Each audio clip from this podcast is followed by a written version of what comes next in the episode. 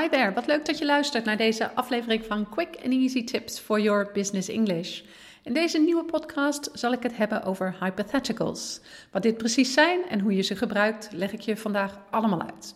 Mijn naam is Anneke Drijver van Improve Your Business English en de auteur van het boek Master Your Business English: Communicate with Power in 7 Simple Steps.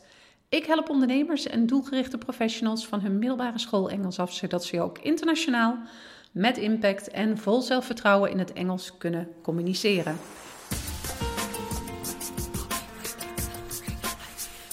In sommige situaties kan het nodig zijn je verbeelding ergens op los te laten. zo kun je nadenken over wat er in de toekomst zou kunnen gebeuren als iets anders was gelopen. Of je kunt reflecteren op iets wat is gebeurd om te kijken naar wat anders had gekund. Dit doe je bijvoorbeeld bij brainstorm sessies of tijdens het bespreken van eindcijfers tijdens die belangrijke meeting. Het is belangrijk om je verschillende situaties voor te stellen, zodat je een juiste beslissing kunt maken in de toekomst. Om over dit soort situaties te praten, zijn er bepaalde woorden en constructies die je kunt gebruiken in het Engels. Het zijn dit soort ingebeelde situaties die we hypotheticals noemen in het Engels. Je hebt ze vast wel eens voorbij horen komen. In het Nederlands maak je vast ook wel eens gebruik van een hypothetische tijd. Denk aan als dan situaties. Als ik opnieuw zou moeten kiezen, dan zou ik iets anders hebben gekozen. Of we zouden ons daar niet te lang mee bezig moeten houden. Dit soort situaties noem je dus hypothetische situaties of denkbeeldige situaties. Ik hoop dat ik je in deze podcast een eind op weg kan helpen bij het gebruik van de zogenaamde hypotheticals. Ik denk dat het belangrijk is om te beginnen met wat voorbeelden van hypothetische vragen. Je gebruikt ze bijvoorbeeld om een denkbeeldige situatie voor te stellen aan iemand. In het Engels heb je eigenlijk twee verschillende manieren om dit te doen. 1. De what-if-vraag is de manier om een hypothetische vraag te stellen. Het wordt vaak gebruikt, dus je hebt het vast wel eens eerder voorbij horen komen. Wat als je de president was voor één dag? In het Engels gebruik je daar dus what if voor. Luister maar naar de volgende voorbeelden. What if you were given a thousand euros? What if I told you that I want you to make the decision?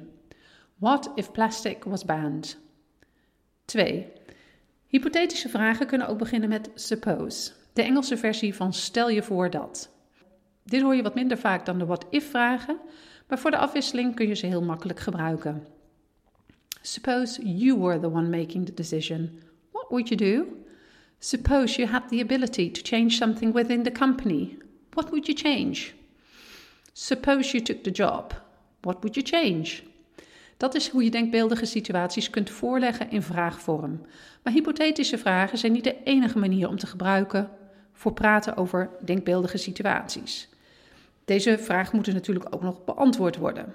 Hoe doe je dat nou precies? Het, antwoorden, het beantwoorden van zo'n what-if-vraag of suppose-vraag. Dat zal ik demonstreren door een paar vragen die ik net heb gesteld dit keer ook te beantwoorden. What if you were given a thousand euros? If I had a thousand euros, I would probably go on holiday. Suppose you took the job, what would you change? If I were to take the job, I would make a lot more money. Het is natuurlijk niet altijd nodig om zo'n uitgebreid te antwoorden. En de meeste Engelsen zullen dat waarschijnlijk ook niet doen. Je kunt ook wat korter zijn in je antwoorden, maar belangrijk is om altijd could of would te gebruiken in je antwoord. Daarmee geef je aan dat het om een hypothetische situatie gaat. What if I told you that I want you to make the decision?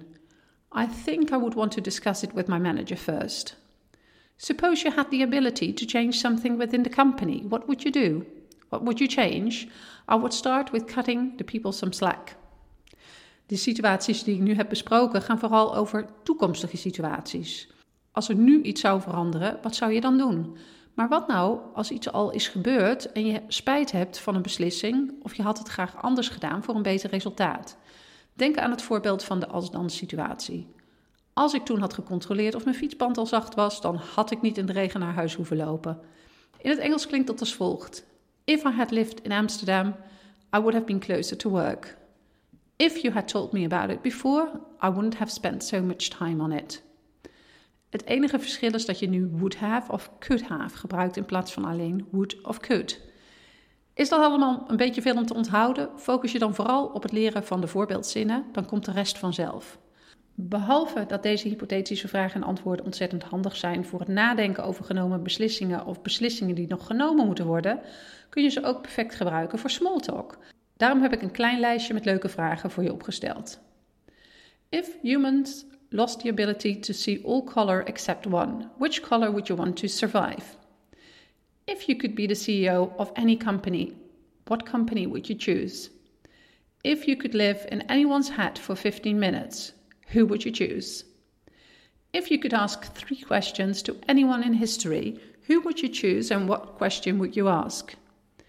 If your life was made into a movie, which actor would you play?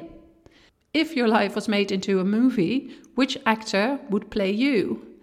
If you could travel anywhere in the world, where would you visit and why? If you could speak two other language fluently, what languages would you want to speak? En zo zijn er natuurlijk nog veel meer.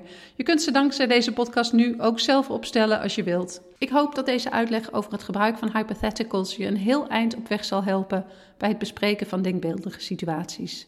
Stel je vragen aan de hand van de what-if-vragen of suppose-vragen en beantwoord ze op uitgebreide of bondige manier de could of would te gebruiken. Door het bedenken van dit soort situaties kun je reflecteren op jouw of andermans keuzes en oplossingen bedenken. Maar het is ook een leuk middel om vragen te bedenken voor een gezellig gesprek met je collega. Ging het allemaal te snel? Luister het dan nog een keer en schrijf de voorbeeldzinnen voor jezelf op. Dan onthoud je ze ook beter. En dat was het weer voor deze keer. Ben je op zoek naar meer manieren om jouw zakelijk Engels te verbeteren? Bezoek dan onze website www.improveyourbusinessenglish.nl. Vond je dit interessant? Zou je dan een review willen schrijven op SoundCloud of iTunes? Zo kunnen we nog meer mensen bereiken met onze podcast over zakelijk Engels. Op zoek naar handige voorbeeldzinnen voor het oplossen van conflicten? Dat bespreken we tijdens een van de volgende podcasts. See you next time met quick and easy tips for your business English.